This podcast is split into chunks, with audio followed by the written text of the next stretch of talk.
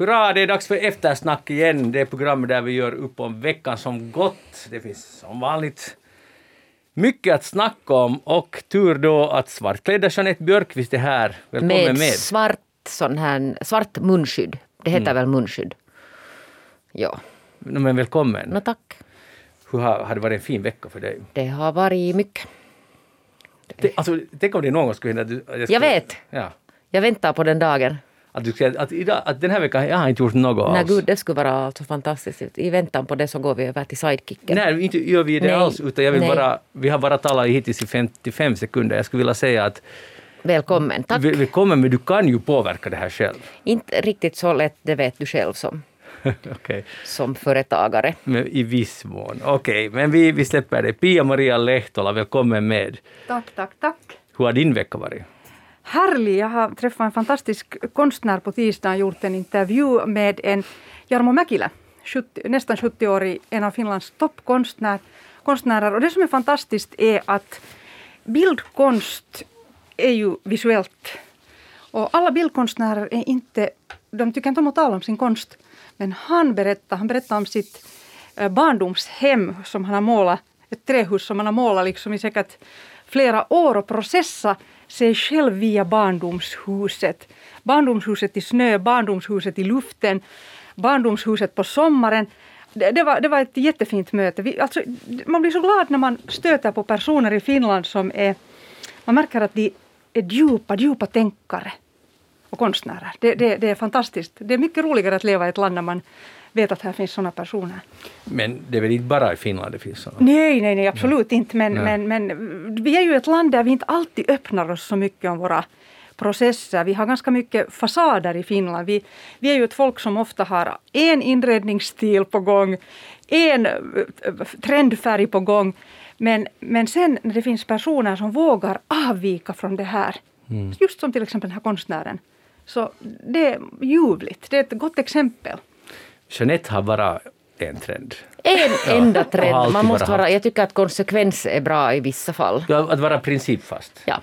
Vad säger du, Pia-Maria, om det? Men Pia-Maria har sagt så fint om mina svarta linjer här tidigare, det behöver vi inte prata jo, om. Jo, alltså, alltså vad heter det, i klädväg så tycker jag ju det är fantastiskt med personer som klär sig ofta i svart. Vi har ju de här modeskaparna, Coco Chanel till exempel, som alltid bar nästan svart.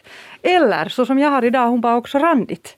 Mm. För det är ju den här liksom franska det kusten. Det är Bretagne. Det är Bretagne? Jo, absolut. Hur, ska vi tala bara, hela programmet bara om Frankrike? Nej, vi har nog talat ganska mycket om det. Men Manu, jag tycker nog att, att du bokar din resa till Lyon. Jo, det är nog på gång. No, jag, jag, håller på, jag, har nu lärt, jag håller på att lära mig franska nu. Ser du.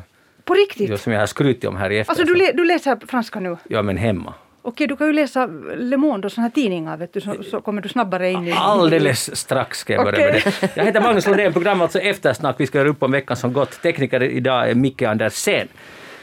Ja, ja, alltså eftersom du nu Pia-Maria är här och du brukar göra sådana här... Eh, du brukar, brukar förutspå framtiden. Ibland mer och ibland mindre träffsäkert. Men hur ser det nu på 2022? Det, det, det är lite så oro i luften nog. Det är allt det är corona och det är Ukraina och så vidare. Men hur, vad är din analys nu? No, jag har en jätte... Helst en positiv analys. No, jag skulle säga ah, att jag kommer med en positiv. Jag förvånar mig själv, för jag är ju egentligen en ganska dyster person Aha. som tycker om att dra sig undan och fundera. Jag, jag är mystiker. Ja, det Kom ihåg de här mystikerna, ja. kristna mystikerna som, som fanns i tiden. Um, Mm, men, men nu har ju den här pandemin gjort det positiva med oss att vi har ju alla lärt oss att koncentrera oss på nytt. Vi har varit ensamma ganska mycket säkert hemma, jobbat hemifrån. Vi har inte fått så hemskt mycket intryck, sociala intryck.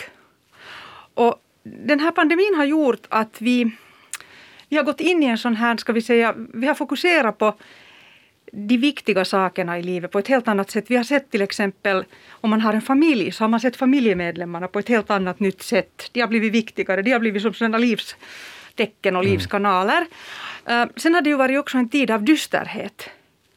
Man har ju varit rädd säkert flera människor har varit rädda, helt bara också för den här fysiska sjukdomen, men sen också för det här, liksom rädda, rädda för ekonomin, rädda för framtiden. Ingen människa kanske planerar så mycket sin framtid just nu på grund av att man inte vet.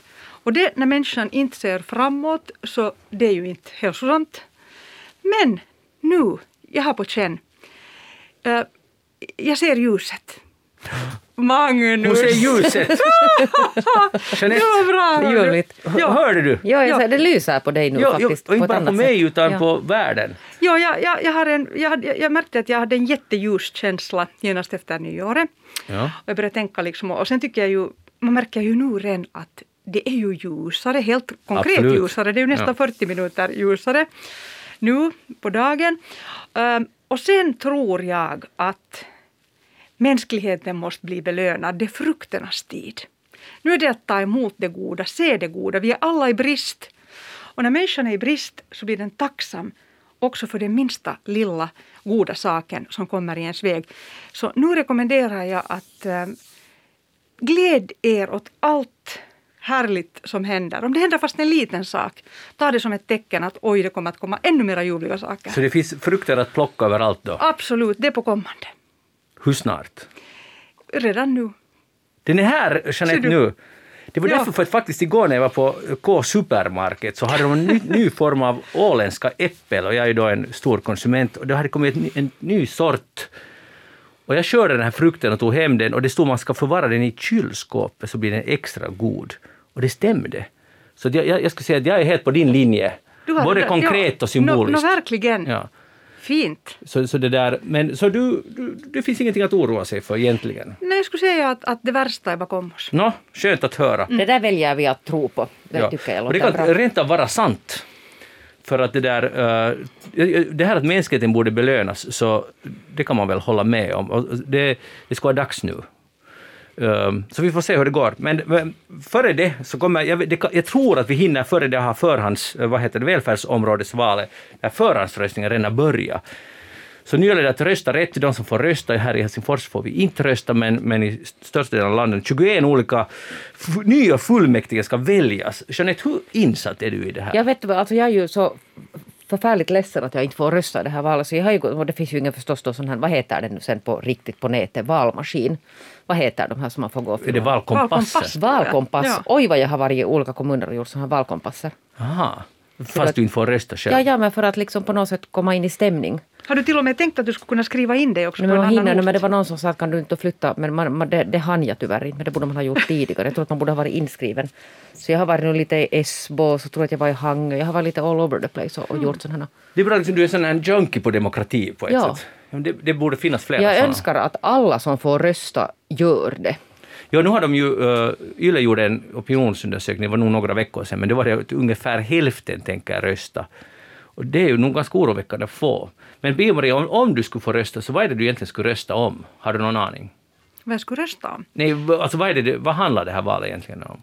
Nå, nu måste jag faktiskt också säga personligen att, att eftersom jag bor i Helsingfors så har det gjort också nu att jag, jag har inte satt mig in och tittat på de här debatterna.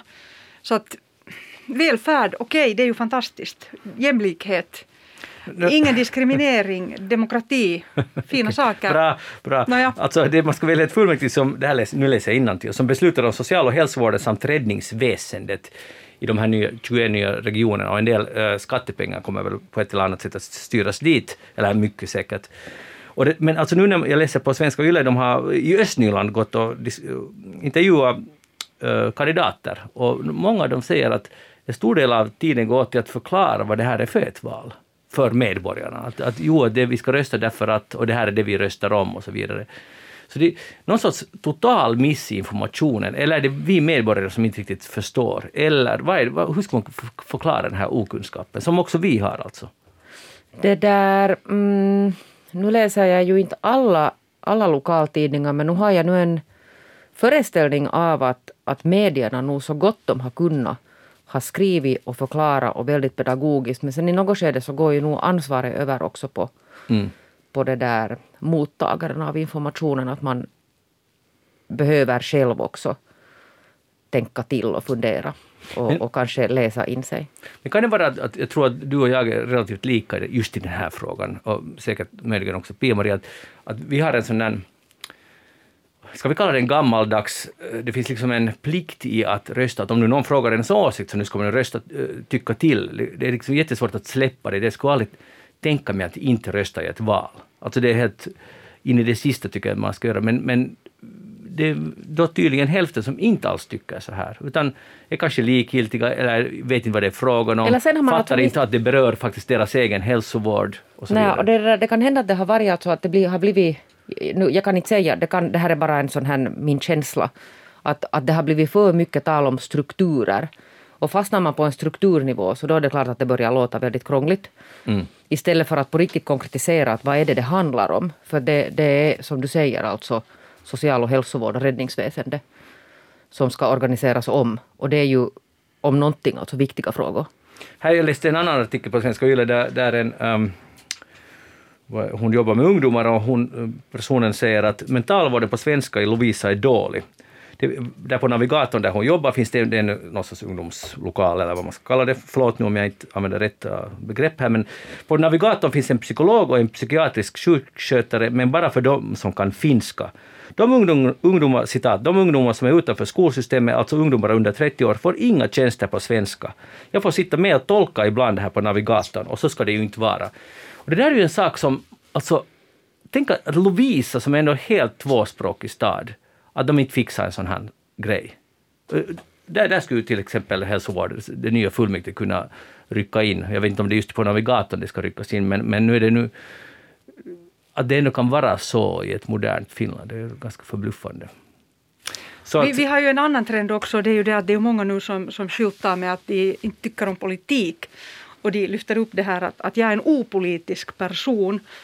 Eh, så jag tror också det är en sån här grej att, att politiken borde på något sätt, jag vet inte hur, den borde, den borde förändras, den borde själva det där politiska systemet, det där tröga hierarkierna borde brytas ner. Men till exempel när jag har tittat på Hange, Hanges val, valreklamer så där är väldigt mycket sån här att man ska vara tillsammans, man ska åka i pulkabacke, man ska dricka saft och äta bullar. Att det är sån här att man bjuder in människor till sådana här tillställningar som ska liksom lite avväpna. Mm. Men sen börjar man ju också fundera på det här att hur mycket är Um, om man är skarp och cynisk. Det är ju förstås trå tråkigt om man är för cynisk. Men, men hur mycket är det sådana här liksom floskler och reklam och sånt här som, som kommer däremellan? Att, att behovet av ärlighet, äkthet. Där kommer jag igen att tänka på bildkonstnären. Att en bildkonstnär som politiker skulle kunna vara ganska fint. Tror du det? Ja, jag tror det. Och varför? Därför för att de är i kontakt hela tiden med sina känslor. Um, de processar. Men det är inte deras egna känslor de ska vara i kontakt med, de ska, vara i kontakt, de ska representera jo, alla medborgare. Det, det är allmänmänskligt. Om du känner dig själv så känner du också din medmänniska. Det där tror jag inte på. Att om man känner sig själv så känner man andra. Det är ju, jag tycker det är en del av problemet att alla känner lite för mycket av sig själva och lite för lite av alla mm, andra. Jag, jag, tror nog det att vad heter det, om, du, om du känner dig själv och, och är ärlig och äkta ja. med dina egna känslor och tankar så då kan du framkalla det i diskussioner också med andra människor. Mm. Jag tror på exemplets makt. Det, det tror jag också. Mm. Okej, mera bildkonstnärer. Välj in bildkonstnärer. Ja, alltså jag måste säga två saker. Alltså det, ju, det här valet har ju, alltså man har ju klagat också på det att där finns inga av de här något partiers stora personligheter. Alltså att det på något sätt blir så där okänt för att där är en uh, väldigt massa sådana här ganska okända politiker. Och det tycker jag är bra. Ja. För att det är människor som säkert på riktigt kommer att sätta sin tid och energi på det här. Och, och jag förstår det här att det är val så är det det att man ska alltid alltså föra fram några sådana stjärnor som har kända som sen drar alltså in de här rösterna. Men jag tycker alltså att det ser ju i mina ögon väldigt bra ut att man inte gör det den här gången. Statsministern kan till exempel ägna sig åt statsministeri mm. istället för att sitta i ett, ett sånt här fullmäktige. Men, men nu var det ju många kända politiker som också ställer upp. Det, så är det. Och sen en annan sak bara om den här Pia-Marias den här politiken så, så där tycker jag nog att man kanske lite kan ägna sig åt mediekritik också för att det där om man som man gör gör en sån här cirkus och karneval av den här politiken, det vill säga att man hoppar på hela tiden bara en massa sådana här ganska meningslösa och, och ur liksom demokratiperspektiv ganska irrelevanta små skandaler så det är klart att, att det där folks förtroende till den här politiken urholkas. Man tänker att de gör ju ingenting annat än pajasar sig där. Mm. Utan man behöver ju liksom, jag menar, det, det händer ju en massa saker som, som det inte alltså skrivs om. Alltså viktiga saker, stora saker, stora förändringar, lagändringar.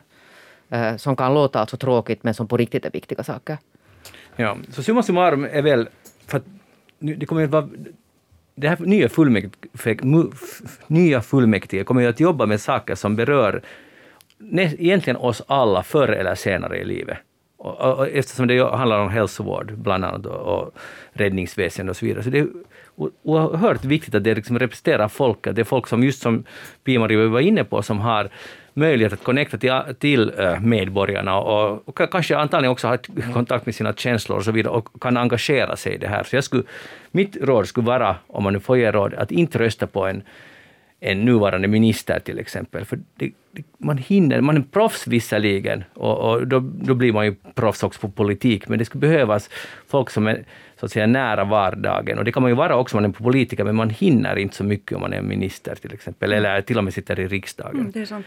Så kämpa för det, men det var nu bara min åsikt. Hej, förra gången så talade vi om uh, hur unga vuxna och ungdomar och barn har haft det under pandemin och sen fick vi ett, uh, via Facebook kom det ett, ett det var i samband med att ni, vi försvarade att man ska få att det ska bli närundervisning ja. i skolorna, vilket det ju sen blev också. Ja, vilket det blev och det tycker jag var bra. Uh, här, här skriver en henne, Abi 2021, alltså årets nej, förra årets abiturient, hon skriver så här. Jag tycker väldigt mycket om ert senaste avsnitt gällande distansstudier. Jag vet att det är väldigt många som mådde rent ut sagt skit under distansperioden, speciellt då skrivningarna pågick. Själv blev jag utbränd. Jag förstår bra att man måste prioritera de mindre barnen då det kommer till närundervisning, men upplever att man helt har sopat problematiken med distans under mattan då det kommer till ungdomar. Som tonåring, studerar, som tonårig studerande så förväntas man klara av det. Som att effekten av en pandemi skulle undgå unga för citat, ni har ju så mycket energi. Så säger hen och eh, tack för det här. Vad tycker ni om, om det här inlägget? Mycket bra, mycket viktigt och, och ännu en gång så är jag så oerhört glad att man beslöt att begrava det här vidunderliga utspelet, den här också en sån här märklig alltså liten cirkusakt där förra veckan. Ja, alltså du menar Kiuru och ja, gänget? och social och hälsovårdsministeriets plötsliga påstående att man ska gå i distans. Och, och just det här att, jag, att det har ju hela tiden alltså när man har, när man har hållit på med den här distansdiskussionen så har det ju varit de här små, alltså som hon skriver också, den här, eh, de här mindre eleverna eh, undantagna. Men om man tänker alltså de här äldre eleverna som har, liksom vilka sjok de har varit tvungna att vara ensamma och jobba. Så, så håll nu för guds skull alltså ja. utbildningen öppen. De här, hela det här, den här generationen, alltså nu, unga förstås, men också unga vuxna har min hundraprocentig sympati. Att jag, jag, vet inte vad man annat kan göra än att en kram om man skulle kunna. Mm. Att, att det har inte varit lätt och uh, hoppas bara det finns kraft att fortsätta, för att de där åren är så viktiga. Och jag förstår frustration, jag förstår, det är inte alls konstigt att folk blir utbrända eller får andra symptom eller alltså någonting går lite snett. Så, och nu, är det, nu är vi inne på det andra året, så jag hoppas Pia-Maria, din prognos stämmer, mm. att vi går mot ljusare tider. För det är speciellt den här yngre generationen verkligen förtjänt av. Sen måste jag säga att när man läser alltså sociala medier, vilket man alltså faktiskt nu borde sluta med helt och hållet, det, det, det gör ingen alltså lycklig att, att hänga där och titta vad människor diskuterar. Men där kommer det ju alltid kanske i inlägg tre om man diskuterar skolan så kommer det i inlägg tre, ja men uppoffringarna gjordes också på krigstiden, då under kriget och så si och så. Och det, det tröstar inte någon nu. Det tycker jag att man kan glömma den där argumentationen. Ja, ett krig är en liten annan sak. Ja. Och, sen, och sen det att dagens föräldrar har inte så mycket tid som man hade förr för att arbetslivet är jättekrävande. Och sen att, att de ska då agera som lärare hemma och, och sköta om, om barnets skolgång och så här. Så det, okej, det är ju fint, man kan ju komma nära det här barnet också via det på ett nytt sätt. Men, men, men det är den här alltså, att, att, att isolera människor mm. hemma, alltså att isolera, ta bort dem mm. ur sitt sociala sammanhang. Så, så det kan envar tänka. Ensamhet är alltså bland äldre, det är en diskussionsfråga. Mm. Där man talar alltså om att, att människor mår inte bra av att vara ensamma. Det är nu bara helt enkelt så. Och det här att man har satt unga människor isolera dem hemma med en skärm där de på något sätt plötsligt helt ska ta ansvar. Visserligen under bra och lärarna har gjort otroligt fint jobb jo, jo, när de har planerat det här. Det är liksom inte det det handlar om. Men, men man kan inte leva via en skärm, det går inte. Nej, och dessutom, vi, jag undrar också förtroende för samhället, hur det liksom håller det. För att man har isolerats för en sjukdom som ändå väldigt liten uh, risk att man själv blir all, riktigt allvarligt sjuk. Att, att förstå de proportionerna mot den uh, gruppen har varit, tycker jag, oskälig. Uh, och det är ju helt statistiskt bevisat också. Och, och, det är ju inte bara pandemin nu, utan jag träffade Iri Askola, emerita ärkebiskopen från, från Helsingfors, då, då för, för, för, jag träffade henne för ett halvt år sedan. Och då tog hon upp det här att uh, ur hennes kristna perspektiv och hennes personliga perspektiv så är hon annars också orolig för de unga och barnen. Att det är de som är mest utsatta i hela samhället, alltså helt oberoende pandemin. Så där är, där är mycket att jobb, jobba med i framtiden, också för politiker. Jag nämnde tidigare den här navigatorn i Lovisa som du läste en artikeln. Här är en som jobbar där, Samira Alfar, säger, hon säger så här, och det handlar om samma sak som vi just talade, talade om. Hon tycker att de ungas välmående ska lyftas upp i det här kommande valet. Sen säger hon så här, ungdomarna har ett enormt behov av närvarande vuxna för, tillfälligt. för tillfälligt. De som jobbar på våra ungdomslokaler ser att all deras tid går åt till att prata med ungdomarna. Att det är liksom det som krävs, snacka och finnas.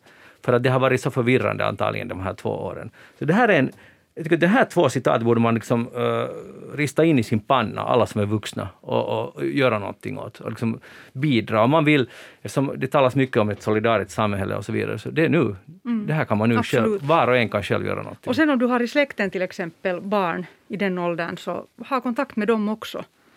Ja. Att det, det, man kan ha stora familjer som man sköter om en annan sak som jag gärna diskuteras, det var i HBL i fredag var det en kolumn av chefredaktör Erja Ylajärvi som handlar om rädsla under rubriken Att leva med rädsla är inte ett riktigt liv. Och det här tycker jag, den här kolumnen tycker jag är superviktig. För att hon går igenom att hon har varit äh, rädd en stor del av livet för allt möjligt. För att, för att det ska hända en olycka, för att hon ska bli sjuk, för att barnen ska bli sjuka. Och sen hon på någon, jag får den bilden av att hon har kommit vidare från det här. Och, och, och, och och liksom antagligen arbetat med det och lyckats med det, vilket är jättefint. Men så slutar hon när det gäller pandemin och, och, och hur vi ska förhålla oss till den. Och det här är en så viktig sak. Eh, hon skriver, vi kan inte fortsätta mata rädslan. Det hjälper ingen och allra minst den överbelastade sjukvården. Numera är jag mest rädd för att så många är rädda. Vad gör det med människor? Vad gör det med vårt samhälle? Att gå framåt med rädslan som ständig följeslagare är hemskt. Det vet jag av egen erfarenhet. Och det här sammanfattar mycket som jag tycker att under eh, pandemin har liksom, den här rädslan man har sett hos medmänniskor, man har sett eh, i debatter, man har sett det hos journalister, man har sett det hos politiker, man såg det hos Förlåt att säger det, men man såg det hos Kiuru förra veckan, för det, henne, det känns som det är hennes rädsla. Och jag vill inte alls attackera henne personligen, men det känns som att en obefogad och, och också använda politiskt rädsla som vapen, eller ska vi säga som argument i alla fall. Eh, för alla möjliga inskränkningar i, i eller in, vad ska vi säga, vad heter det, man stänger ner skolor till exempel. Så det är inte så många tror jag som har den här förmågan att analysera att, att, att allt det här beror på att jag själv är för rädd så att säga. Det är en ganska obehaglig tanke att inse det. Pia-Maria, är du rädd till exempel nu? Eh, alltså jag upplever ju faktiskt att det finns också mycket positivt i rädsla. Mm. För om man går tillbaka i människans utveckling så det var de som var till exempel supersensitiva i gruppen som var de som, fast de kände rädsla, så de blev också, de kunde vara ledare. För att de kunde också uh, undvika farliga situationer. Att rädslan är ju inte rädsla bara negativt. Att rädsla är också liksom en varningssignal. Sen tycker jag att man får inte döma människor som är rädda. Jag tycker det är hemskt. Man måste hellre trösta dem. Och man måste hellre liksom förklara till dem, kanske logiskt. Alltså, äh, rädda personer, om, man får, om de får en logisk förklaring, till exempel barn som är rädda för någonting, så då försvinner oftast den där rädslan. Men jag skulle säga att, att äh, du talar om Kiuru här, så man kommer ju att tänka på, på vi har ju en, en tradition i Finland, de här gråtkväderna. Och det här är just Karelen, där, där folk också tyckte om, eller de fick en kontakt med, med varandra via gråten, via sorgen. Inte det är alltid fel det heller. Får jag säga, jag vill bara korrigera. Mm. Inte, kan man ju döma någon som är rädd. Det var, det var inte alls det jag menade. Att, att hur kan du vara rädd? Utan vad jag menar att det är svårt. Det är jag säker på, för det, vad som helst självgranskning liksom, är svår, oberoende vilket drag man nu har. Men att, att, det, att, att, försöka analysera det, att nu beter jag mig så här för att jag är rädd, kan det vara att det är obefogade rädslan? Varför är jag räddare än många andra? Eller har man blivit påverkad av till exempel politiker eller medierna och så vidare? Att försöka analysera det och, och jobba på det, för att, för att vi kan ändå inte påverka. Det är så mycket här i livet vi inte kan påverka och därför tycker jag det är ledsamt om man styrs av den här rädslan, om det styr ens liv, att man till exempel inte går ut på två år. Mm. Alltså så gott som. Mm. Så då är man så att säga objektivt sett för rädd, men inte kan ju någon annan ändra på det än man själv. Man måste själv försöka komma... Gärna skulle jag försöka trösta någon som är rädd, men jag tror inte det hjälper. Mm. Kanske det hjälper. Mm. Mm. Eller, ja, who knows. Men sen är ju människan ofta rädd för sånt som redan har hänt att det är ganska vanligt att, att människor är rädda för någonting som har hänt till exempel i barndomen och sen kommer någonting som påminner om samma sak. Mm. Och då, då, då är man igen rädd för att man har varit med där, man har, ett, man har vad säger man, bränt barn skyr elden. sen, kan, sen kan ju när resan går för långt, eh, kan ju också vara om man är rädd och vill att alla andra också ska vara rädda. Och det kan ju till och med bli aggressivt, att man blir störd på att andra människor inte förstår hur farlig situationen är liksom, inom situationstecken. Och det här tycker jag inte heller är alltid det bästa. Jag menar inte att man, man ska gå omkring och vissla och här finns ingen fara, covid-19 existerar inte. Det är inte alls det här jag säger, men, men livet jag ska bara säga att måste, vi måste ju ändå leva det här livet och nu har vi just nu covid-19. Ja, och sen måste man komma ihåg att vi, vi är i en helt annan situation än för ungefär exakt två år sedan. Ja en månad men, framåt men härifrån två år sedan. Då, mm. då var det alltså mycket osäkerhet och, och, man visste inte och det var okänt. Men sen har vi ju delvis fastnat på något sätt i den här, den här diskursen som faktiskt, saker har ändrats ganska mycket under de här två åren. Och ändå har man på något sätt fastnat. Och jag tycker nog faktiskt, om jag nu får kritisera, så, så att journalistiken kanske inte alltid har uh, lyckats hemskt bra här heller när journalistiken har nog misslyckats. Någon dag kommer det att granskas också. Och den, jag tycker inte den har lyckats för den har nog underblåst. Det är klart man måste ge ut fakta. Och, Jo, men till exempel nu när jag slog, jag slog in alltså Iltalehti här, det första jag surfar alltid, alltså nyhetsrubrikerna när jag går in här, och de toppar alltså med någon sån här gen, gen alltså fel eller någon, någon, någon slags gen som kan göra att man får alltså sjudubbelt värre covid än okay, andra. Okay. Och, och, då drar man alltså hela tiden på det här. Det någonstans finns det alltid någon fara. Någonstans finns det alltid någon orsak att, att vara rädd att har jag nu den här genfelet? Att, att inte in så mycket sånt här mera. Det är liksom att, men det är kvällspressen? jo, men alltså det är nog inte bara kvällspressen. Det är det verkligen inte. Det måste jag nu säga det där från huset att Erja har ju haft en väldigt konstruktiv linje i den här hur man hanterar coronanyheter mm. jämfört med väldigt många andra. Och på vilket sätt tycker du att det har varit? Nå, sån här att det ska lite sådär hålla förnuftet med sig när man, när man där gör de här grejerna. Mm. Och inte hetsa alltså. Mm. Det som jag tycker om, jag är ju, älskar matematik, så sannolikhetslära. Det, det, det, kan man använda i det här covidfallet också. Fundera, fundera ut själv de där riskerna. Helt bara matematiskt. Att hur många människor träffar du som du inte känner i veckan? Ma, ma, ma, jag tycker det, det, är en sån här sund det tar bort man, rädslan. Men då kan man, ja, och det kan man göra och så kan man räkna ut att hur många har blivit vaccinerade och hur många har sannolikt, det vet väl ingen, haft smittan och blivit alltså immuna. Att, att, egentligen tror jag att vi är mycket tryggare än vad vi själva tror att vi är. Alltså, och läget just nu, nu drar omikron över och vi kommer nog alla i praktiken väldigt många av oss får det här omikron. Ja, och smittskyddsläkarna sa här för bara några dagar sedan här i Finland att, det där, att den här omikronvarianten, om man är så lycklig att man får den, så är den för den allra flesta, alltså majoriteten, är en ganska lindrig sjukdom. Och därför skulle de vilja ändra den här kategoriseringen, att den inte mer skulle ses som en allmänfarlig sjukdom. Den här. Mm. Och det här säger läkarna, det är inte mitt påhitt. Och det har fått väldigt lite publicitet. Jo. Så, no, men, äh, Prima Rimre, du i din vardag, känner du att du är rädd? Är du rädd för omikron till exempel? Att du sådär aktivt är rädd för den? När nej, till exempel... nej, inte är jag rädd för att jag, jag använder logik och sannolikhetslära. Att jag, ganska matematiskt lever jag för tillfället och, och, och, ser till var jag rör mig. Att jag utsätter mig inte för, för stora... Helt så här vet du. Jag jobbar ju hemifrån, mm. drar direktsändning med FFP2-mask en gång i veckan. Och nu har vi också här maskerna på. Så inte är jag rädd på det sättet. Bra. Mm. Men inte skulle jag nu gå heller nu ut någonstans på någon krog. Inte. Nej, det kan du inte göra för att hålla på att stänga. det kan du inte. Men jag har nog varit på café och inte känner jag mig så rädd. Mm. Alltså, jag, jag, bara, jag tycker så här att efter två år, det, det, jag vet att man kan fördöma det här. Jag fördömer inte det. Jag har, jag varit, mycket på café. Det, men... jag har varit mycket mera på café än du. ja, men... Jag stöder företagarna. Exakt, men nu är fördelen med att gå på café tycker jag är större än riskerna och nackdelarna. För att vi måste ut och träffa människor igen. För vi, det håller på den här rädslan och inte bara den utan också att se andra människor. Allt det vi förlorar via våra sociala kontakter, det, det är alarmerande. Så vi kan, där kan vi också bidra, gå på café om vi känner att det är okej okay för själv. Inte ska man ju gå om man är livrädd eller inte vill, men jag tror att det skulle vara bra för oss att börja umgås igen. Jo, och sluta vara så arga på dem som inte tänker på oss, eh, tänker på samma sätt som vi. Det skulle också vara en bra sak. Hej, Jeanette Björkqvist, vad har du tänkt på den här veckan? Jag har tänkt på sån här förnedring inför sån här produktdesign. Vad sa du? Förnedring? Förnedring inför sån här produktdesign och, och allt är produktdesignens fel. Det här alltså handlar om att, att där, när jag återvände till huset så fanns där en kontorsstol. Och jag har aldrig alltså varit vän med kontorsstolar. Det är någonting alltså med kontorsstolar och, och mig som inte funkar. För jag tycker att det, det, jag har jättestora svårigheter att förstå att hur funkar de här stolarna. Ni vet alltså, de, de, de är där, den är där för låg. Och så ska man höja den. Och så finns det 400 alltså spakar där under. Och vilken man än alltså trycker på så går det fel. Att det är, vet du, nå, det är lutningen på sitsen och det är vet du, ryggstödet och det är vet du, hit och dit. Och, och den här att hur får du upp den, den här liksom själva den här sitsen så att den hålls där.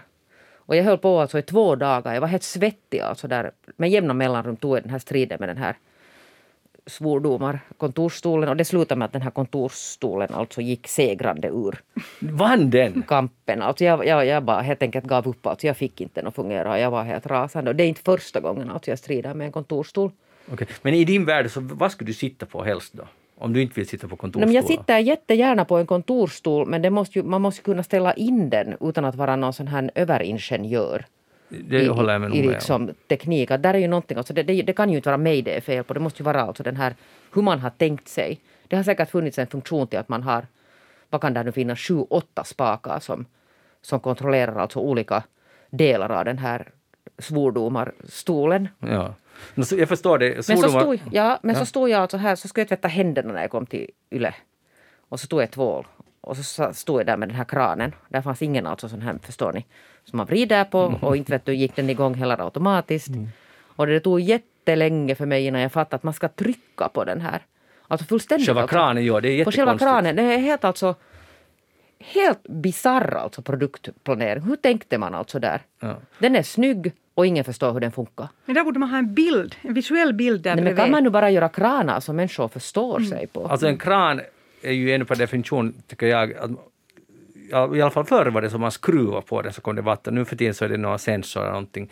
Men det kan ju inte vara så, man kan ju inte ska göra design för folk som ingen begriper sig på. Alltså det, jag, jag, jag, jag, håller helt med om att svordom, eh, kontorsstolen, svordom, kranen, alltså det är ju djävulskt av de som uppfinner som inte tycks ha liksom kontroll med, igen med, de, med användarna. Det är ju som, det är lite så här som Windows någon gång på 90-talet, att det ska vara så obegripligt som bara möjligt.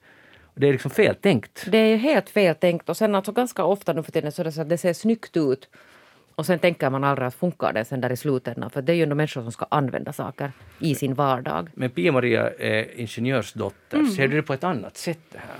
No, jag måste säga att jag är ju precis av samma åsikt. Att jag tycker att kontorsstolar, jag stöter på det där problemet väldigt ofta. Det är märkligt att de där spakarna, det borde ju vara det finns, idiotsäkert. men det, finns märkligt. hundra Ja. olika modeller Ja. dessutom. Och så tänker man alltid att det här nu är en billig version. Ja, men nu kom vi in i den här Ja. studion och så sa tekniker Micke Andersen så sa han att ja, men du behöver bara lyfta den. Och den här kontorsstolen är den första jag har mött i mitt liv som faktiskt fungerar på bara en tryckning. Sen ett annat kapitel är ju de där sadelstolarna. Ja, Jo. Då- då- jag ska då- vara då- väldigt de försiktig inte- Ja, ja. Nåja, men, i- men i alla fall, annars så ofta är det ju det här, det kallas för, man kallar det för wow-arkitektur, men man kan också kalla det för wow-design. Kommer ihåg när jag har rest i Europa, så, så vissa sådana riktigt ultramoderna hotell så har alldeles fruktansvärda duschar. Alltså du, du vet ju inte hur du får det där vattnet Ja. ut därifrån och sen finns den där i hörnet så finns det någon sån liten smal linje dit, dit det smutsiga vattnet då ska rinna. Och det, det, det fungerar inte. Det, det är helt... så det, det är det här att när vi, när vi vill leka rymdvarelser så går det fel.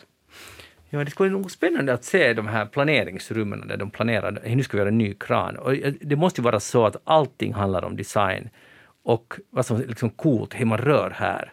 Det kan ju till och med vara att det finns en charm i att göra det lite knepigt. Men det är ju alltså, om man nu tänker kran till exempel, så det finns ju då miljoner kranar på marknaden. Så det är klart att får du i uppgift att, att, att designa den här nya där på den här en miljonen så måste du hitta på någonting som ingen annan har gjort. Och då hittar du på att där finns ingenting. Man ska bara gissa sig till att man ska trycka på den här vita klönten. Men du nämnde ordet förnedring och det är ju det det lite handlar om för att, för att man har då i sitt, hela sitt vuxna liv varit van med att man nu fattar man hur man får på en kran. Men sen plötsligt ställs man inför den här situationen att, att nu står man här och vill tvätta sina händer, men man, om man är väldigt nära kranen, tre centimeter, men man får inte på vattnet, och då blir det är ju förnedring. Ja, att man, blir, känner, där- man förminskas som människa. Man förminskar, och det är samma när du står där vid den här kontorsstolen som på inget sätt för att för det här var nu alltså, det finns ju då tusen olika lösningar på de här kontorsstolarna. En del av dem är ju sådana att när du får tag i den där rätta spaken så höjs den och så stannar den där. Men så finns det de här modellerna då som du kan höja den men så krävs det en annan spake för att låsa den här jävla sitsen alltså. Stack, du har inte lätt. Nej, men, Men- det, alltså det slutade, alltså jag, jag, jag gick vinnande ur striden. För jag Du sa just att du förlorade striden. Ja, men lyssna på vad jag gjorde. Nå. Jag helt enkelt stal en kollegas stol och lämnade den här dåliga stolen. Alltså en då tillträdande kollegas. Har du skickat vidare Ja, den olyckan liksom? Ja. Eh, var vad jag gjorde. hoppas alla som jobbar på Mannheimvägen 18 hör det här. jag har medgett den, jag har erkänt och biktat mig inför den här kollegan. Hon visste att hon fick en dålig stol av mig. Just det, för, för, men det är ju när man är gulnäbb så måste man lite få lida. Kanske det du ska ta en sån där härlig gammaldags pinnstol på Nej, jobbet. jag ska inte ha några pinnstolar. Nu, jag står gärna. Där finns ett bord som man kan höja, det är bra. Pia-Maria, har du pinnstolar hemma? Eh, de är för moderna för mig. Jag tänkte just Jo, det. att- de är alldeles för moderna. Ja. Jag har gustavianska stolar Ja, ja, och rokokostil. Ja. Och sen har jag sådana franska tolikstolar, vet ni, sådana som är, det sån här vet jag inte vad det industridesign. De är, jag skulle tippa att de är 20-30-talet. Sådana de är vit, vita, mina är vita, sån här metall. Och de, de är helt ljuvliga, de är kalla, så jag brukar ha ett, ett sånt här litet, en liten fårfäll när jag sätter mig på den. Är det inte Magnus härligt? Ja, det är helt jag såg på dig nu att nu, nu, nu fick du igen, hör du. Ljuset kom, kom i dina ögon. Ljuset kom. Har du, har du något an, Ja. an, du, alla möbler är vita, eller hur? Uh, ljusgråa också. Ah, det finns det, det också? Mm, Ja, det är lite radikalt. Vad sa du? Det är lite radikalt. No, då måste man ju lite. Lite vara wild. No, svart har jag också börjat få nu för tiden. Aha. Svart i tamburen.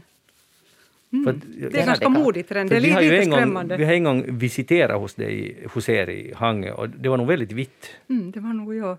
Men nu finns det något nytt där. Det, där finns inte, I stan finns svart. Saken klar. Pia-Maria Lehto, vad har du tänkt på den här veckan? No, jag har ju tänkt alltså, jag har ju jag brukar ju alltid tala om Frankrike och så brukar jag tala ibland Mm. om Danmark. Jag beundrar väldigt mycket danskarna.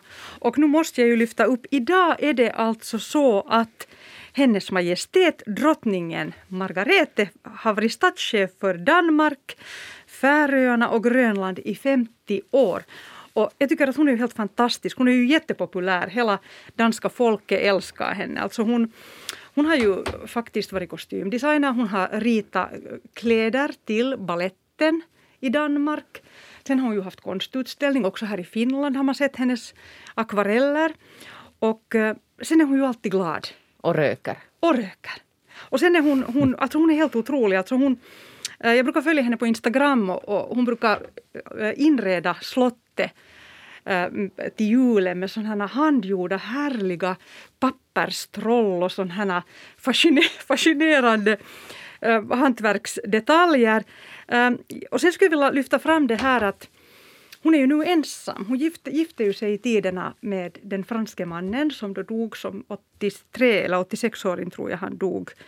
Eh, prins Henrik. Och han tillbringar ju mycket tid på, på ett sånt franskt vinslott i tiderna.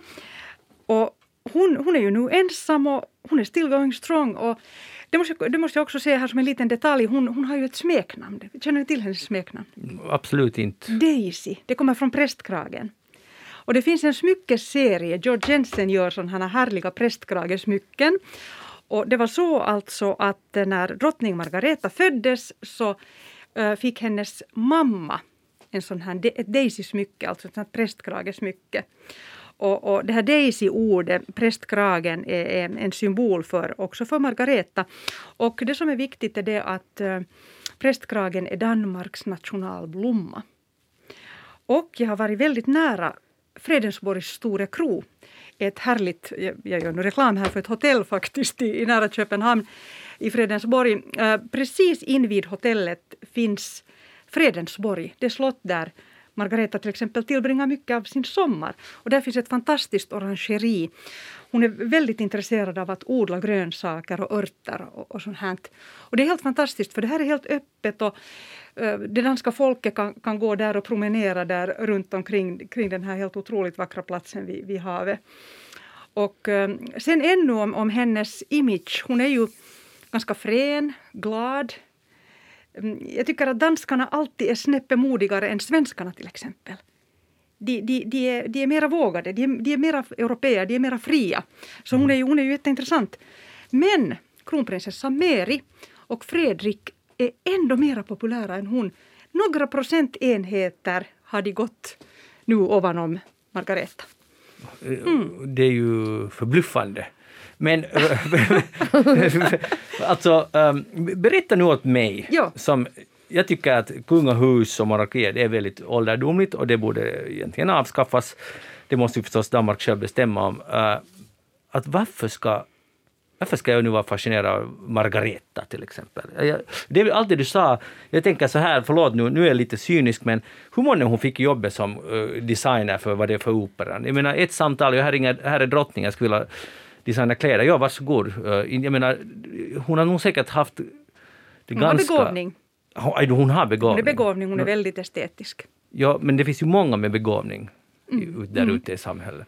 Nej, jag, vill bara, jag tycker bara att det är lite konstigt att man får ett sånt, man föds till att bli drottning. Jag tycker det är ganska konstigt. Alltså jag förstår ju vad det beror på men, men men är du inte alls äh, så skeptisk till monarkier? Nu förstår jag ju logiskt helt det här hur du tänker och ja. så här men, men jag, tycker, känslan... jag tycker livet blir ganska tråkigt om man håller på att mm. tänka på det där sättet. Alltså man, kan tänka, man kan ju tänka på att de är så roliga figurer.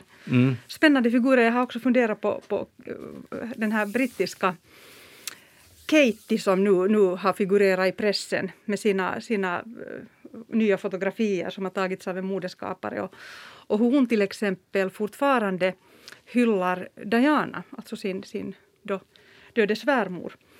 Och um, hon har Dianas örhängen, hon har Dianas ring tror jag det var hon hade på den här bilden. Och, och hon är förresten en, en sån kunglighet som har, tyck, tycker jag, klarat det här med, med paparazzis och den här ångesten som, som det här fruktansvärda det här kändisskapet, kunglig, kunglighetslivet har medfört, de här, de här negativa sidorna som Diana då leder. Så hon har klarat det strålande. Mm. Och hon är check, hon är liksom som en person från folket. Hon är, hon är väldigt jag, be, jag beundrar hennes, hennes sätt hur hon klarar det här. Har ni sett filmen Spencer om Diana? Nej.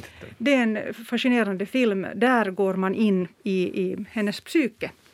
Hon hade bulimi och hon led väldigt, väldigt mycket av, av de här stränga, det här stränga brittiska det här kungliga, kungliga livet. Och den filmen är fascinerande för att det, det är en sån här, faktiskt en introspektion i hur det är att vara, hur obehagligt det kan vara att leva i en kunglig familj. Men det är just det jag menar, det är ju helt också omänskligt för de som inte anpassar sig till det där systemet att liksom födas in i det, okej okay, Diana föddes inte in i det, men att, men att födas in i det där och alla förväntningar, det är ju, jag ska säga det är omänsklig press på, de är ändå människor. Och nu, nu har ju då Margareta tydligen klarat det med glans och det är jättefint och, och det är ju superlyckligt om, om, om hon är populär också.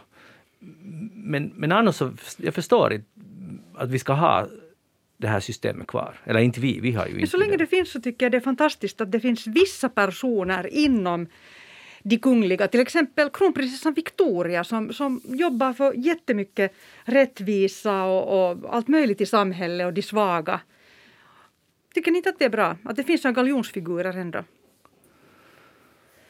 Det där, ja, inte vet jag men alltså det visar ju när Finland inte har någon sån här mm. som tur lever vi alltså i en republik. Nu håller man ju på att göra den här Sauli och Jenny lite till någon slags sån här mm sådana här. Kanske det är så att, att människor, jag är alltså helt som Magnus mycket kritisk till det här, jag förstår inte alls att det här lever kvar. Men, men det kan ju vara att det här skulle vara intressant nu, på tal om vi talade förra gången om att byta åsikt, så jag är egentligen helt redo att byta åsikt om det är så, om, alltså, alltså principiellt tycker jag det är helt fel, men om, det är, om vi är så som människor att vi ändå behöver någon sorts rollfigurer som visar nu ska vi vara goda, nu ska vi donera till djurens bästa. Om det funkar så, så ja, no, då, då är det kanske så. Men, men vad händer sen när det är ju helt slump att Victoria behöver inte vara god. Tänk om hon skulle vara en riktigt, riktigt uh, skitstövel.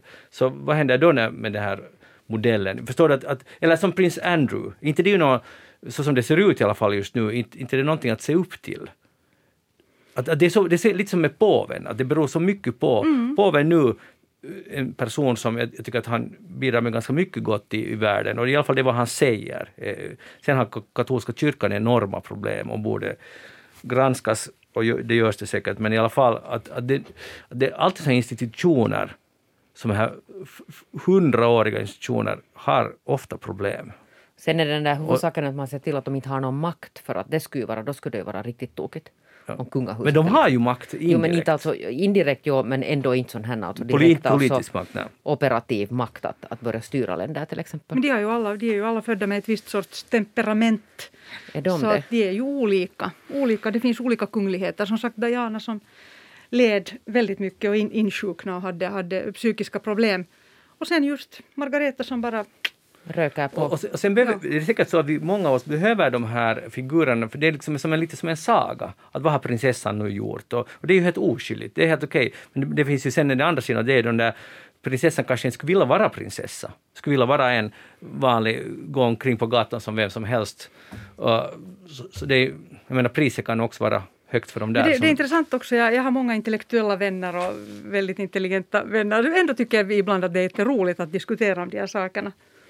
Det är skvaller. Mm. Hej, uh, Jeanette, har du CD-skivor hemma? Kanske om jag gräver dit i några lådor på vinden. Mm. Pia-Maria, har du? Jo, massor. Jag har också ännu kvar mina underbara LP-skivor från ungdomen. Har du? Japp, jag, är- jag är verkligen... Jag älskar dem. Jag har Brian Ferrys och Roxy Musics.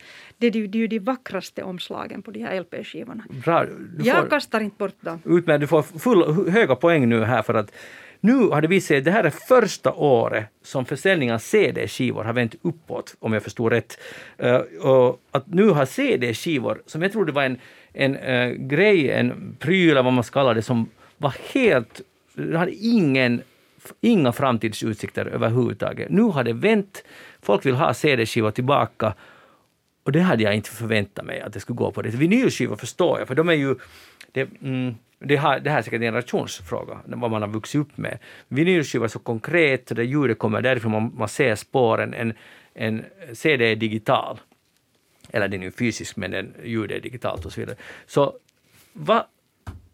Är det här nu möjligt att du skulle gå, gå till Winnersenet och ta tillbaka CD, CD-skivor och installera den här stereoapparaten på nytt? Vilken stereoapparat. När det for Menio, som Menio. finnen skulle säga. Oj, det, där, nej, det är nog inte möjligt. Det, jag, jag är inte den, men, men vad trevligt om man vill återgå till sina CD-skivor. Jag kommer bara ihåg det att sen blev det lite smutsigt så började det hoppa. Det var jättemycket problem med dem. Ja, de, de, de fick, de var inte, det hette att det här blir det perfekta ljudet. Men det var det ju inte alls och de tål vet du, sådana. Så kom det en liten, liten, liten skrapa och så var allting förstört. Och det var, Hur ofta lyssnar du på Roxy Music på vinyl hemma? Mm, faktiskt väldigt sällan för att jag har inte heller mera teknisk apparatur för det här. Mina föräldrar har. Och ibland brukar vi lyssna där. Det är ganska roligt så här. Alltså du har vinylskivor men du kan inte lyssna på dem. Jo, jag tror att jag har fört dem till mina föräldrar faktiskt. För de har ännu en, en vinylskivspelare. Så jag, Okej. jag, det här tekniska, jag lyssnar ju på Spotify.